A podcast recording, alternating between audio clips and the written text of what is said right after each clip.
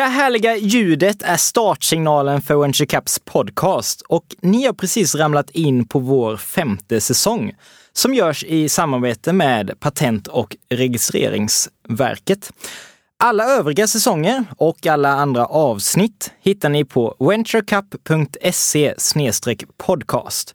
Ni hittar dem även på Spotify, iTunes och Soundcloud. Mitt namn är Jonas, men det ska vi inte prata om mer, för ikväll så har vi med oss Ida Nilsson. Hon har nominerats tre år i rad till Cision Influencer Award, utmärkelse som går till en person inom konsult och PR-branschen inom kommunikation som har haft störst inflytande i digitala medier under året. Hon är lite utav en Facebook-expert hon är dessutom utbildad journalist och media och kommunikationsvetare. Hon är helt enkelt en av Sveriges bästa personer på digital kommunikation. Välkommen hit Ida! Tack, vilken introduktion. Det är ju nästan som man rodnar lite här faktiskt. Ja. Ja men det tycker jag, det är du värd faktiskt. Vi är på avsnitt åtta och vi ska snacka lite om marknadsföring. Men vi backar bandet och, och liksom, hur kom du dit du, du, är idag? Du jobbar som PR Director på eh, kommunikationshuset Change. Ja, det stämmer. Eh, jag brukar säga så här, jag tror att jag har haft mycket tur. Det handlar ibland om det. Eh, jag har alltid tyckt jättemycket om att skriva och eh, prata och jag har varit väldigt fascinerad av relationer och sådär. Eh, och sen var det väl lite bananskal att man började jobba med kommunikation och haft människor som helt enkelt har sett så här, ja ah, men det här ska du göra. Så jag tror inte att det var egentligen en utstakad plan. Jag visste att jag ville jobba med människor, relationer och, och just kommunikation i någon väg. Men att det skulle bli PR, det visste jag inte. Men nu idag är jag jätteglad över det. Och, och vad är PR för någonting? Vad är, det, vad är det för dig? Ja, det är nog den svåraste frågan att svara på. Det hade varit lättare för, för ett par år sedan när man visste så här, ja men det är publika relationer som det står så fint i, i skolboken. Eh, och det är det väl idag med. Eh, det handlar om att, eh, att få ut budskap eh, till publiken. Och idag så har vi ju, jag menar kommunikation idag är ju, är ju annorlunda. Eh, makten ligger ju inte hos, hos medierna på det viset utan det är ju faktiskt samhället och invånarna som har den på ett annat sätt. Och det gör ju att PR handlar om att eh, nå den publiken eh, på nya sätt än bara genom liksom, medier idag. Eh, det handlar om det digitala samhället med sociala medier men det handlar om att nå kanske på stan eller på andra sätt också.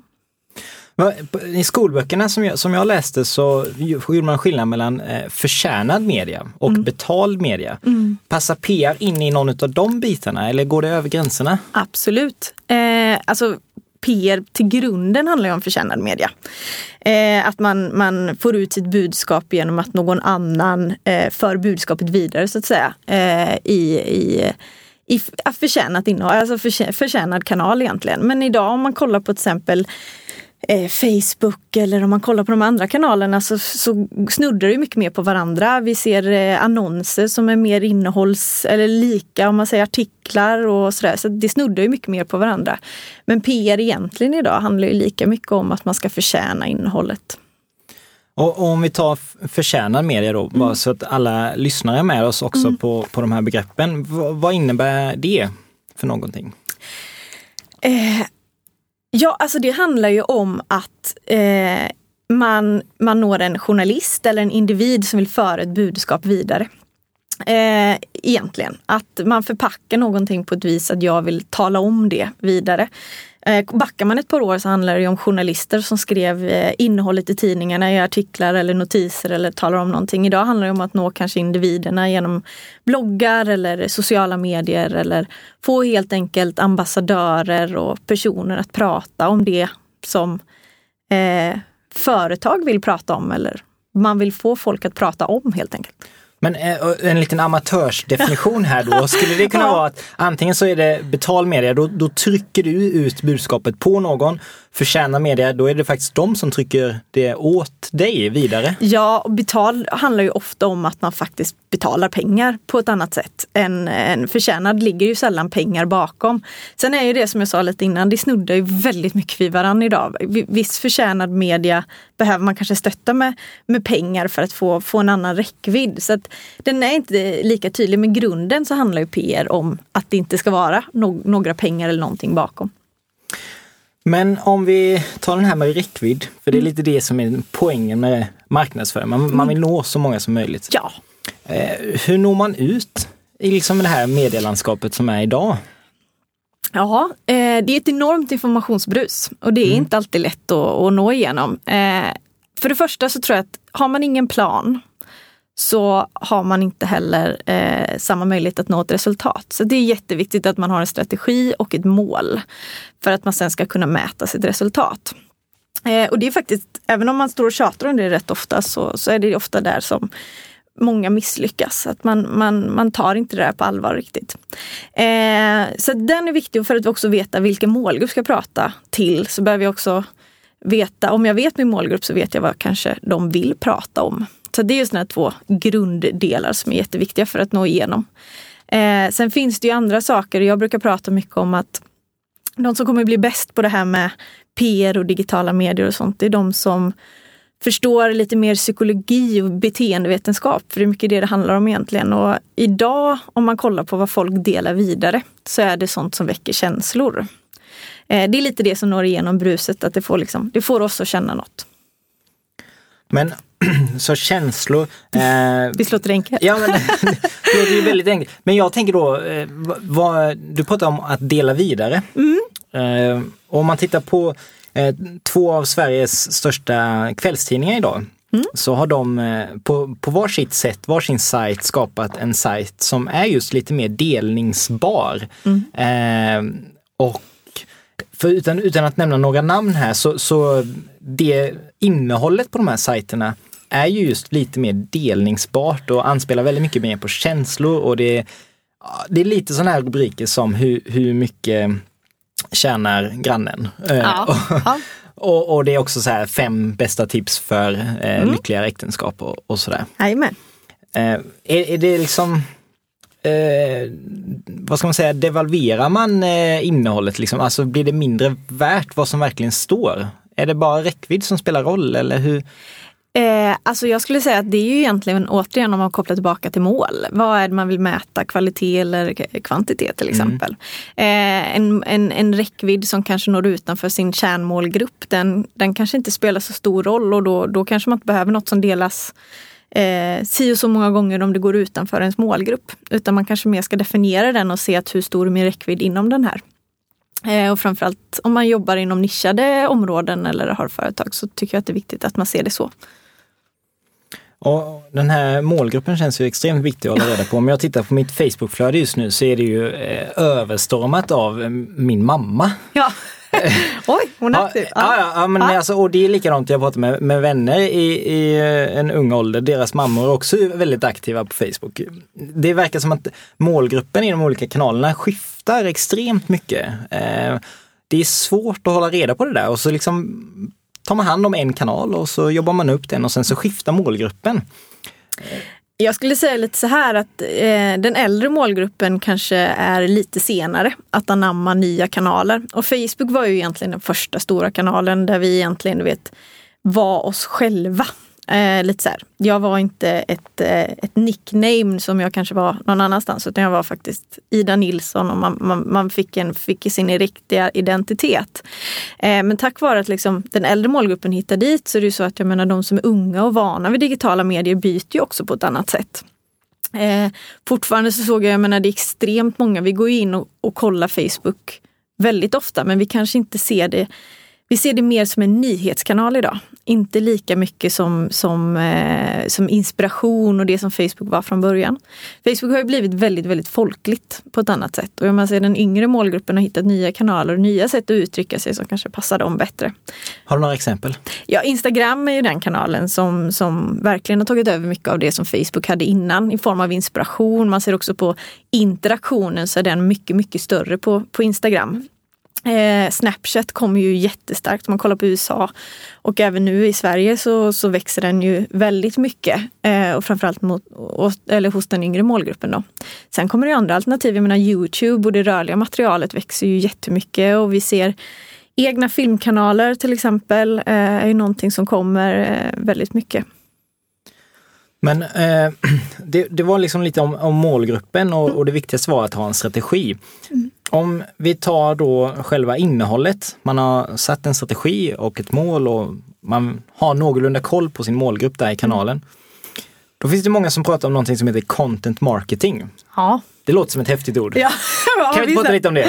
Ja, precis. Vad är det? Eh, vad är det? Ja? Och så ska man sammanfatta det jätte, jätteenkelt. Content marketing eh, handlar ju egentligen om att skapa innehåll som är just delningsbart och eh, attrahera den målgruppen som man vill, vill nå ut till. Det har också blivit ett sånt där modeord och alla sysslar lite grann med content marketing idag. Eh, jag skulle säga att riktigt bra content marketing är ganska svårt. Eh, och det beror både på, på timing och annat. Men det man behöver göra och det jag tycker att många företag brister är att man inte planerar. Man, man får inte det kontinuerliga flödet av innehåll som, som man vill publicera. Så planering för att skapa bra content marketing är jätteviktigt och att man gör det innan. Att man kanske sitter och kollar till och med ett halvår och tänker så här, ja men vad är det som händer runt omkring som kan, jag kan prata kring som är kopplat till min, till min verksamhet eller mitt företag. Mina grundvärderingar eller företagets grundvärderingar. Hur kan jag liksom få ut det på ett bra sätt? Eh, jag brukar prata om ett uttryck som heter utifrån och in istället för inifrån och ut. Eh, och det är lite grann att hitta saker som målgruppen vill prata om. Eh, och prata om det i sina sociala kanaler och att det är kopplat till ens företag och verksamhet och grundvärderingar till exempel. Om vi kopplar till det här, vi har ett exempel här under säsongen som eh, är en fotodelningsapp. Mm. Eh, som i stort handlar om att eh, man kanske har varit på en fest och så vill man dela foton med varandra och så Just. finns det inte riktigt någon enkelt sätt att göra det på. Om vi ska hitta content marketing för den här idén då, då handlar det inte bara om att hitta liksom, appar som delar foton och, och min egen app, utan då kanske det handlar om att titta lite på hur bästa festlåtlistan är just nu. Precis. Vad är det min målgrupp är intresserad av? Det är de som går på fest. Och går man på fest så kanske man har andra intresseområden.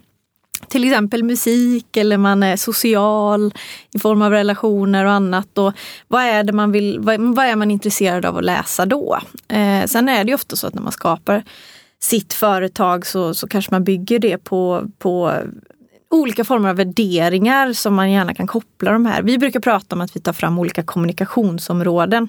Det är alltså teman som vi vill hålla content marketing under, som vi vill att företaget eller verksamheten ska, ska, ska koppla sig starkare till. För, ja, precis, man ska inte hålla på med alla teman då? Liksom. Nej, jag tror att det är jätteviktigt att man rationaliserar lite grann. Alltså att man inte försöker säga allt. Eh, och att man också håller någon form av, det blir ju lite grunden i den här strategin för att hålla en, en, en ram och en riktlinje för att de som följer den också ska få någonstans eh, veta vad man får för innehåll. För det är någonting vi ser nu också att det är mycket så att man, när man inte vet vad man ska få så kan man bli lite så selektiv. Vi ser till exempel många exempel på eh, Ala som skapar det här Livets Goda. Det är ju ett Instagramkonto som, som eh, kommer nu. Vi har eh, Max Burger som har burgerspotting där det bara är hamburgare. Alltså det blir väldigt tydliga nischade konton med tydligt innehåll för att då vet följarna och användarna vad är det för innehåll jag får. Och det är ett litet sätt när man jobbar med content marketing att om jag har ganska tydliga teman så kanske också målgruppen att når jag, när jag når dem så, så kommunicerar jag någorlunda samma sak och det blir också kopplat tydligare till min verksamhet. Och, och då går, går, vi nästan in på något annat eh, mm. sån här buzzword som jag hör var och varannan dag. Eh, storytelling. Ja. Ja. ja, ja. ja men det, det, vad är storytelling? Ja, vad är storytelling? Alltså det är också sånt där modord som, som jag tror att väldigt, väldigt många eh, fyller med olika saker. Någonstans handlar ju kommunikation idag om, för att nå igenom bruset så handlar det om att väcka känslor. Och en story handlar ju om att väcka känslor på ett eller annat sätt. Att man bygger det kring sitt varumärke. Eh, att man förmedlar det. Det är ju det PR har handlat om i, väldigt, i många tider. Och det man har förmedlat till kanske tidningar eller journalister. Och till bloggare och andra liksom, ambassadörer i sociala medier. Och det, det, är egentligen det det handlar om. Det handlar om att skapa en, en, en bra story, en bra historia kring, kring sitt varumärke. Om vi tar eh, Max Burger här som du mm. nämnde. Mm. har de eh, liksom, hur tänker du att de har jobbat med storytelling? Eh... Nu är inte jag jätteinsatt just i i Max eh, Burger. Eh, och det är ju väldigt olika hur man jobbar med det. Vad de har gjort, tänker jag, det är ju deras VD som har, om man säger just om man kollar på deras Instagramkonto som kallas Burgerspotting. Så har han valt att gå ut att fota olika hamburgare eh, när han äter och givetvis är han väl en gång i veckan och käkar på Max. Så mm. jag menar det blir ju någonstans väldigt tydligt i deras målgrupp vad målgruppen får ta del av för innehåll. Eh, sen har de ju en annan story som de berättar i andra kanaler till exempel. Så det här tror jag eh, det är en del av, men den är ju ganska tydlig genom att vi publi alltså, publicerar hamburgare av olika sätt. Så den är ju inte tydligare än så. Men deras följare, på, deras målgrupp får mm. någonstans liksom följa med vdn. Eh, lite i hans burger spotting life där. Ja, och, och det, det, är, det är bara bilder på, på hamburgare. Mm. Om du frågar mig som kanske inte är riktigt målgruppen så kan jag tycka att ah, nej, jag vill inte följa det. Om inte annat än att jag tycker det är intressant ur ett marknadsföringsperspektiv då. Mm. Eh, men för de som älskar hamburgare så är det nog ett väldigt eh, kul konto att följa. Ja, men jag tror jag skulle kunna ja. tänka, tänka mig detta nu. ja, det var ju skönt. Faktiskt. Eh, men, men eh, jag, jag förstår liksom. Så att, någonstans att, att hitta sin nisch och sitt tema och mm. skriva mycket om det, skapa innehåll kring det och angränsande saker. Mm. Eh, och sedan även liksom att det är någon röd tråd, en, en storytelling. Liksom. Absolut. Liksom. Eh, någon slags... Absolut, den röda tråden är ju jätteviktig. Men jag menar för att inte prata om precis samma saker i innehållsmässigt hela tiden så handlar det om att förpacka det på ett bra sätt. Och det, det är väl det man gör genom egentligen både storytelling och bra content marketing. Att man förpackar saker. Jag menar sagor har vi ju berättat i, i alla tider egentligen. Och Eh, jag brukar prata mycket om det här att bildens betydelse är så otroligt viktig i sociala medier och digitala medier idag. Och det är ju för att en story kommer fram mycket starkare i och med bild. Och det är också därför kanske rörlig bild kommer mycket mer nu för att det, det blir en starkare, starkare historia när man kan se mer runt omkring. Har traditionell media på något sätt spelat ut sin roll här då? Alltså de här klassiska liksom, man kör längs vägen, motorvägen och så ser man en stor bild på en jätteny fin produkt, en bil till exempel. Är det, det är relevant nu för tiden eller hur? Jag tycker inte att man ska prata egentligen, även om man halkar in på det hela tiden. Sådär, ah, traditionell och digital media eh, eller eh, sådär, eller tra traditionell marknadsföring och digital marknadsföring. För allting är liksom sammanvävt idag. Det är sällan du bara gör en, en eh, ja, en annons som du är inne på här. Det är klart att det, det fyller en form av syfte. Jag är inte expert på det så att hade du haft någon här jämte mig så hade vi säkert haft en väldigt vild diskussion nu. Men, men däremot så är det ju så att men det har vi inte, Nej. så det är prime time. det är bara alltså, kör skönt. din grej. Ja, det är skönt. Men däremot så skulle jag säga det att eh, som vi var inne på innan också, att medierna satte ju väldigt mycket agendan innan. Vad är det samhället och, och invånarna ska diskutera? Nu är det helt tvärtom. Är det så att några bloggar eller det diskuteras väldigt mycket i sociala medier och delas mycket, ja då är det uppe på Aftonbladet eller på, på de andra sidorna. Så att makten är ju förflyttad på ett annat sätt idag, där vi kan påverka och sätta agendan på ett helt annat sätt än tidigare. Eh, och det är ju den, den, eh, den makten är ju, eh, eh den gäller att förvalta. Mm. Du jobbar också en hel del med just startups. Mm. Och eh, när vi pratar om de här grejerna, är det, vad har entreprenörer som kommer till dig, vad, vad tänker de kring kommunikation och är de inne på det här att liksom, man ska synas i många olika sammanhang eller har de liksom något speciellt synsätt sådär? Vad, vad är det för trender inom entreprenörssvängen? Ja, alltså det vanligaste när man kommer eh, så handlar det nog mycket om att man vill ha ett bollplank. Man är väldigt duktig. Man är väldigt mycket så här, man kan sin, sin produkt och sitt företag men man är väldigt mycket då som återkommer till det inifrån och ut istället för att kanske lyfta blicken och fundera på vad, vad, hur kan vi titta utifrån eh, och koppla det till vår verksamhet? Eh, det vanligaste är att man gärna vill vara på alla platser eller alla kanaler samtidigt och man har lite svårt att prioritera och så har man inte kanske jättemycket tid. Så det handlar väldigt mycket om i början att fundera på, okej, okay, hur kan vi lägga upp en plan att börja någonstans och se att här i den här kanalen får vi mest utväxling för det som är vårt viktigaste mål det första halvåret till exempel, som kanske handlar om att skapa en, en försäljning eller utvidga ett eh, ett, eh, nätverk inom rätt personer, ja men då kanske LinkedIn i det här fallet, om det nu är den typen av verksamhet, är jättebra. Och sen kopplar man på de andra kanalerna längre fram för att optimera och framförallt för att man ska kunna hushålla med den tiden som man har. Upplever du att man är medveten om det här? Eh, att... Eh, Nej, både ja och nej. Alltså man är medveten och man kan ganska mycket men man, man eh, blir också, man sitter väldigt mycket med det. Man, har, man vill så otroligt mycket så man fastnar lite grann i det. Det blir kanske lite prestationsångest. Eh, och jag brukar säga, jag som jobbar med väldigt stora företag och startups, så är det så att det startups har eller små företag har är ju den här passionen och den här energin och den vill man ju gärna förvalta på något vis för det är också det som skapar väldigt bra innehåll i sociala medier.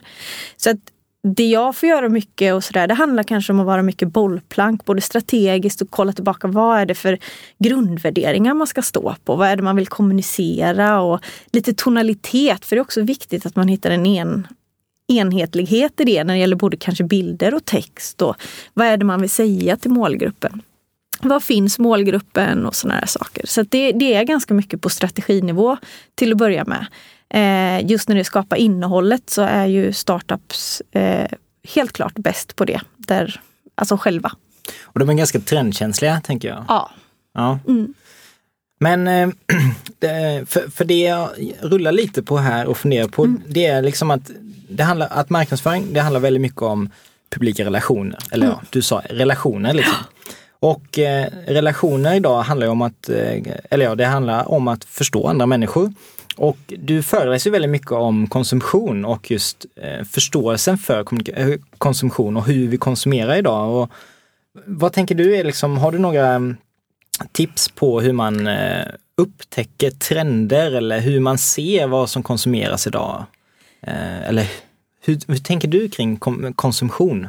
Ja, alltså det som, som jag brukar prata mycket om är ju framförallt hur vårt liksom, konsumtionsbeteende har förändrats. Det här att det är sällan att vi bara går in och tar en sak idag och så här, ja ah, men den här ska jag köpa. Utan vi är väldigt så här, vi måste alltid googla det först och vi jämför saker och där är det otroligt viktigt för oss att ja men det finns undersökningar på det där att ja, men finns företaget sociala medier så känns det mycket mer trovärdigt. Och, eh, att vi blir väldigt sådär att vi vill veta Tidigare köpte vi kanske mer vad företaget gjorde. Idag köper vi mycket mer varför ett företag gör någonting. Eh, och det ligger väldigt mycket hand i hand i det här med CSR och att man gör liksom ett annat arbete bakom. Att man står för bra värderingar och man kan känna att man faktiskt kan identifiera sig med det som man, man köper på ett annat sätt. Och så var det inte för ett par år sedan och det är för att vi får, kan få mycket mer kunskap idag också via eh, både alltså sökmotorer och internet och allt. CSR, vad är det för någonting?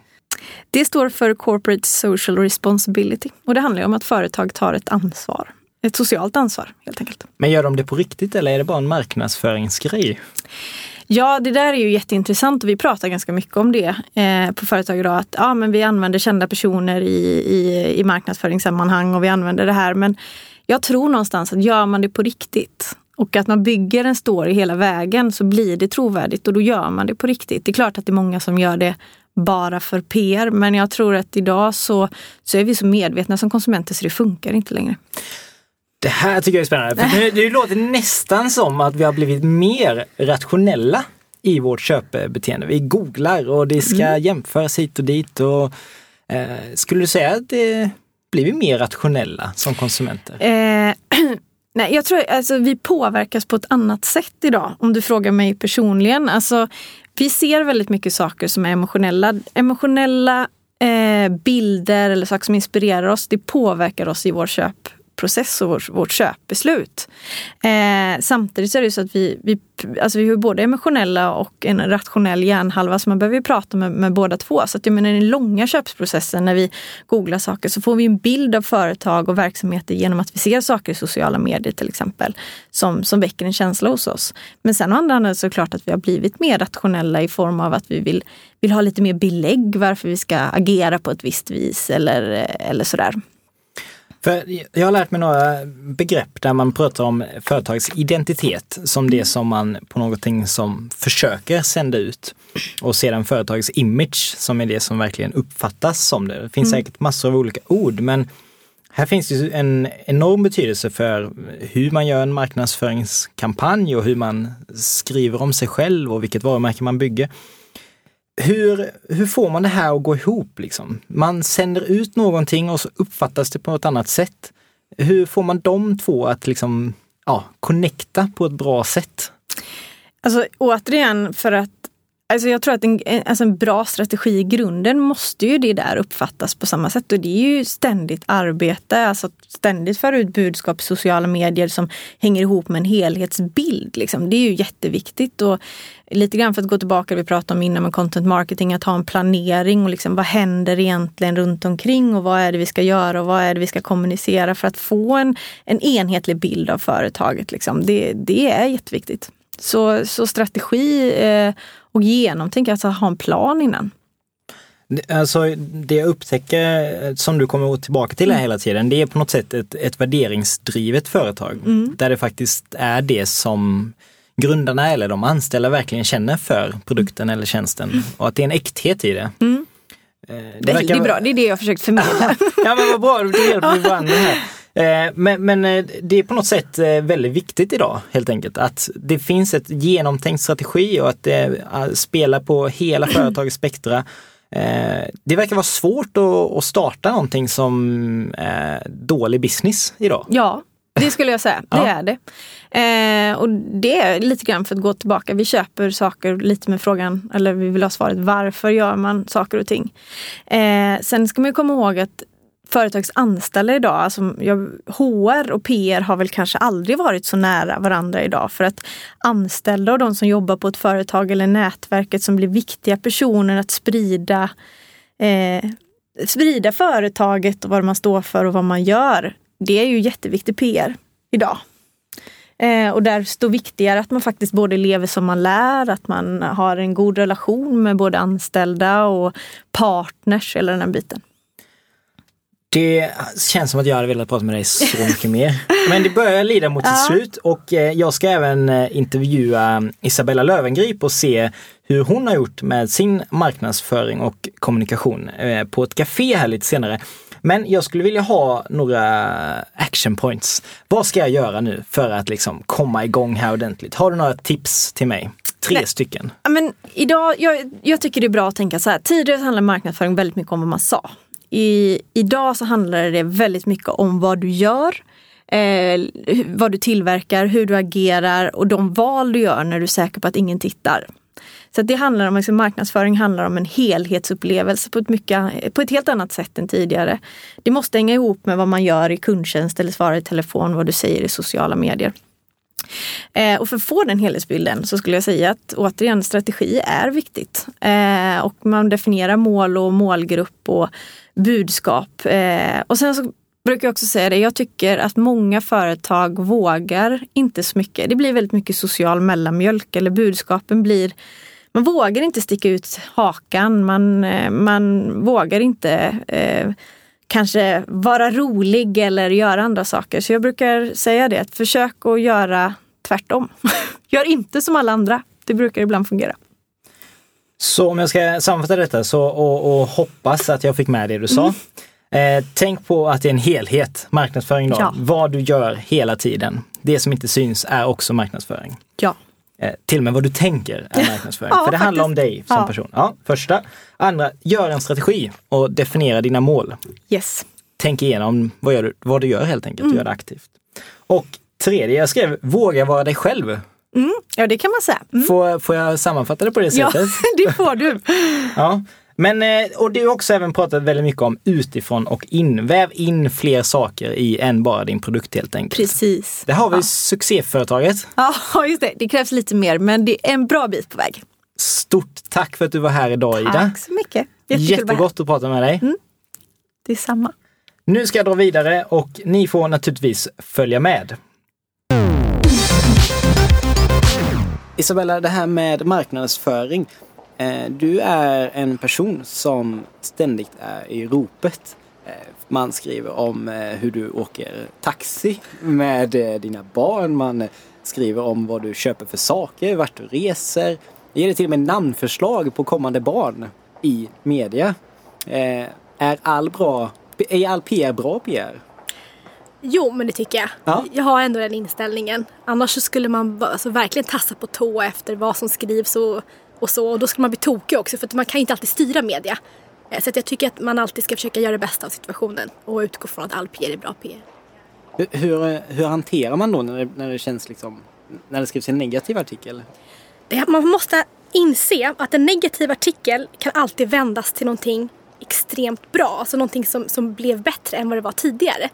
När det skrivs någonting negativt, när det blir ett surr i media någonstans så har man möjlighet att visa upp sig själv och då kan man styra över hur man vill bli sedd. Så skriver någon till exempel en artikel att jag skulle vara en jag skulle kunna, en dålig mamma för att jag inte har mössa på mitt barn och så blir det en stor artikel kring det här och folk blir jätteupprörda att jag är en dålig liksom så. Då kan jag använda det här till att skriva ett inlägg på min egen kanal och berätta hur bra jag är istället. och sen så tycker de flesta människor att jag är en mycket bättre mamma innan jag skrev någonting överhuvudtaget om det. Och det är lite så man måste tänka som företagare, att, att använda allt surr som finns där ute. Ehm, och oavsett vad som skrivs så kan du alltid vrida den till, alltså, till något håll när du besvarar den. Så att du tjänar på det. Och, och sen också tänka på att vågor i media är det bästa som finns. Alltså, min blogg hade aldrig hållit i sig i tio års tid om det inte hade skrivits så mycket negativt. Och när det har skrivits för bra saker under en lång period så ser jag till att det skrivs något negativt. För annars blir det inte intressant. Men man, man behöver ha ganska mycket skinn på näsan för att göra den här grejen. Ja, men så är det. För du, det är du, folk skriver ju om dig. Ja, men det är väl därför varumärket är så stort också. Ja, för att du är inte rädd för detta. Du tar det inte personligt på det Nej, sättet. utan jag, jag, marknadsföring för mig är ju det är ett sätt för mig att komma ut med mina företag, komma ut med mig som varumärke, berätta vad jag gör. Eh, marknadsföring är svindyrt. Så kan jag lyckas skapa surr på Twitter, Dagens Industri skriver någonting, Aftonbladet skriver någonting, så är det alltid gratis försäljning för mig i slutändan och det får jag aldrig glömma. Men är det därför du liksom har valt att göra ganska mycket uttalanden kring politik och ekonomi och även en hel del om näthat? Ja, alltså det är väl 50-50. Vissa frågor brinner jag för så extremt mycket från hjärtat att det måste ut. Eh, det har varit mycket kring feminism till exempel och kvotering och sånt. Och, och, och där har jag ju en, en egen bild att så här tycker jag att samhället borde vara. För att jag har alltid varit politiskt intresserad. Eh, så just det finns väl in- kanske inte ingen större baktanke kring. Men, men många andra saker, absolut. Att man vill göra sin röst hörd för att, eh, ja, för, för att jag vill att mitt varumärke ska förknippas med det. Ehm, men jag ty- marknadsföring är det roligaste jag vet. Och jag har ju suttit sedan jag var tonåring och försökt analysera kring hur mina bloggläsare tycker och tänker och funkar. Eh, och skapa blogginlägg som matchar det hela tiden. Eh, och alltid skapa vågor i bloggen. Att, att när jag är förhyllad, när folk tycker att jag är en superbra förebild, då måste det komma någonting som gör folk arga. Och när folk är arga och upprörda för att jag har städhjälp kanske, då måste det komma någonting som gör att folk tycker om mig igen. Och det låter så hårt att säga det men det är precis så här det funkar. Det, tittar du på en, eh, på en dramaserie. Vi kommer ihåg Rederiet gick väl i 15 år för massa år sedan. Det är alltid någon karaktär som du älskar i början. Och, eh, eller True Detective såg jag för några månader sedan. Och där är en, en, en polis som man gillar i början men sen börjar man inte, inte tycka om honom efter ett tag. Men sen i slutet av serien så älskar man honom igen. Och, eh, och det är precis den dramaturgin som man måste jobba med i verkligheten. Att våga skapa lite vågor om sig själv. Men det funkar ju mest såklart när man är ett personligt varumärke. Ehm, driver man ett företag och ska skapa marknadsföring om sig själv så kanske man inte ska vara lika provocerande som företag. Men man ska inte vara rädd för att är det kritik ute på nätet så ska man alltid se det som att nu har jag möjlighet att få fler kunder av det här surret än vad jag hade innan. Men om vi, om vi liksom släpper PR-biten lite och bara tar en snabb fråga om marknadsföring. Så din blogg, för dina läsare så är det en blogg med ett läsvärde i. Och jag tänker, jag tänker för dina kunder så är det en mediaplats, en annonsplats. Eh, hur, hur, liksom, hur väver man ihop det där på ett snyggt sätt så att inte det blir reklambloggen Blondinbella? Mm. Utan det faktiskt är ett värde i det som skrivs. Och där är ju så trovärdigheten är det enda jag har. Alltså utan den så skulle hela blogg, allting skulle falla. Och så som jag ser det är att, att hur kan jag få företagen eh, att matcha mina läsare? Kan jag, kan jag tipsa mina läsare om någonting som, som de skulle eh, tycka är kul att, lyssna på? Och sen att det är kommersiellt och jag har sålt in det, det, det tycker inte jag gör så mycket. Men, men bara jag känner att läsarna har ett värde av det som skrivs och att de ser såklart att det är annonserat, då, då gör det inte så mycket. Men, men skulle det börja dyka upp tips kring massa konstiga produkter och sånt, då är det klart att de skulle sluta läsa. Så det, det gäller att ha integritet och bara skriva om sånt och sälja in sånt som man verkligen, verkligen kan stå bakom. Naturligtvis så använder du din egen blogg för att sälja in dina bolags eh, produkter och tjänster. Men eh, har du andra marknadsplatser också? Om man tittar på de mer fysiska produkterna som säljs, till exempel i, i Karen Color. Mm. Eh, Ja, jag har börjat testa lite sådär marknadsföring, att, att köpa eh, platser i vissa butiker. Som apoteket, där kan man köpa vart man ska finnas någonstans. Och den här traditionella marknadsföringen och det är jätteintressant. Eh, jag har provat att gå i TV en gång och press och sånt där. Men jag måste nästan säga att, att det som funkar bäst om man som företag vill satsa någonstans så är det på en podd och på en blogg. Eh, och det är just för att man inte har det här bruset emellan. Alltså är du i en butik och ser någonting så är det alltid något annat som tar din uppmärksamhet. Läser du en tidning så bläddrar du snabbt förbi. Men har du en podd i öronen och har ett budskap som du ändå känner matchar det som podden handlar om så, så tar du till dig det. Och läser du en blogg där du har förtroende för den personen som skriver och personen tipsar dig någonting från hjärtat så tar du till dig det också. Så jag har verkligen märkt det att ska jag satsa på PR eller marknadsföring rent ekonomiskt så, så, så, ska jag göra det på rätt ställen och inte bara sprida för att sprida för det får ingen effekt och det är bortkastade pengar. Kan det inte bli ett brus med bloggar också? Du har ju en jättestor blogg. Eh, Patent och registreringsverket har en blogg och Venture Cup har en blogg. Mm. Så alla parter i den här podcasten har varsin blogg. Eh, hur eh, Finns det verkligen plats för alla bloggar? Ja men det är klart det finns och, och så ska man inte stirra sig blind på antalet läsare heller utan det är viktigt att de läsare man har är rätt läsare. Då får man också bäst effekt. Ja men det tycker jag är ett klockrent tips. Så att eh, ni entreprenörer där ute, starta en blogg och marknadsföra era produkter helt enkelt. Nej, men jag tycker just att, att se det viktigaste för mig med, med marknadsföring är just att behålla och utveckla mina sociala mediekanaler. Det, det är liksom det enda jag har. Att jag måste bli, alla företag har Eh, kanaler på Insta, på Facebook och Twitter och överallt och att vi, att vi jobbar starkt med dem. För att, eh, det är en marknadsföring som är tvåvägskommunikation. Så vi, har, vi pratar med våra konsumenter dagligen och starkare än så kan man inte få det. Och det som är så bra med det är att det faktiskt är kostnadsfritt. Alltså visst, det kostar ju någons tid att sitta och publicera allting. Men tänk dig för några år sedan ett företag skulle starta och man var tvungen att köpa en stor annons i Dagens Industri eller SvD. Det hade man inte råd till. Men idag så kan man lyckas eh, nå ut och få kontakt gratis.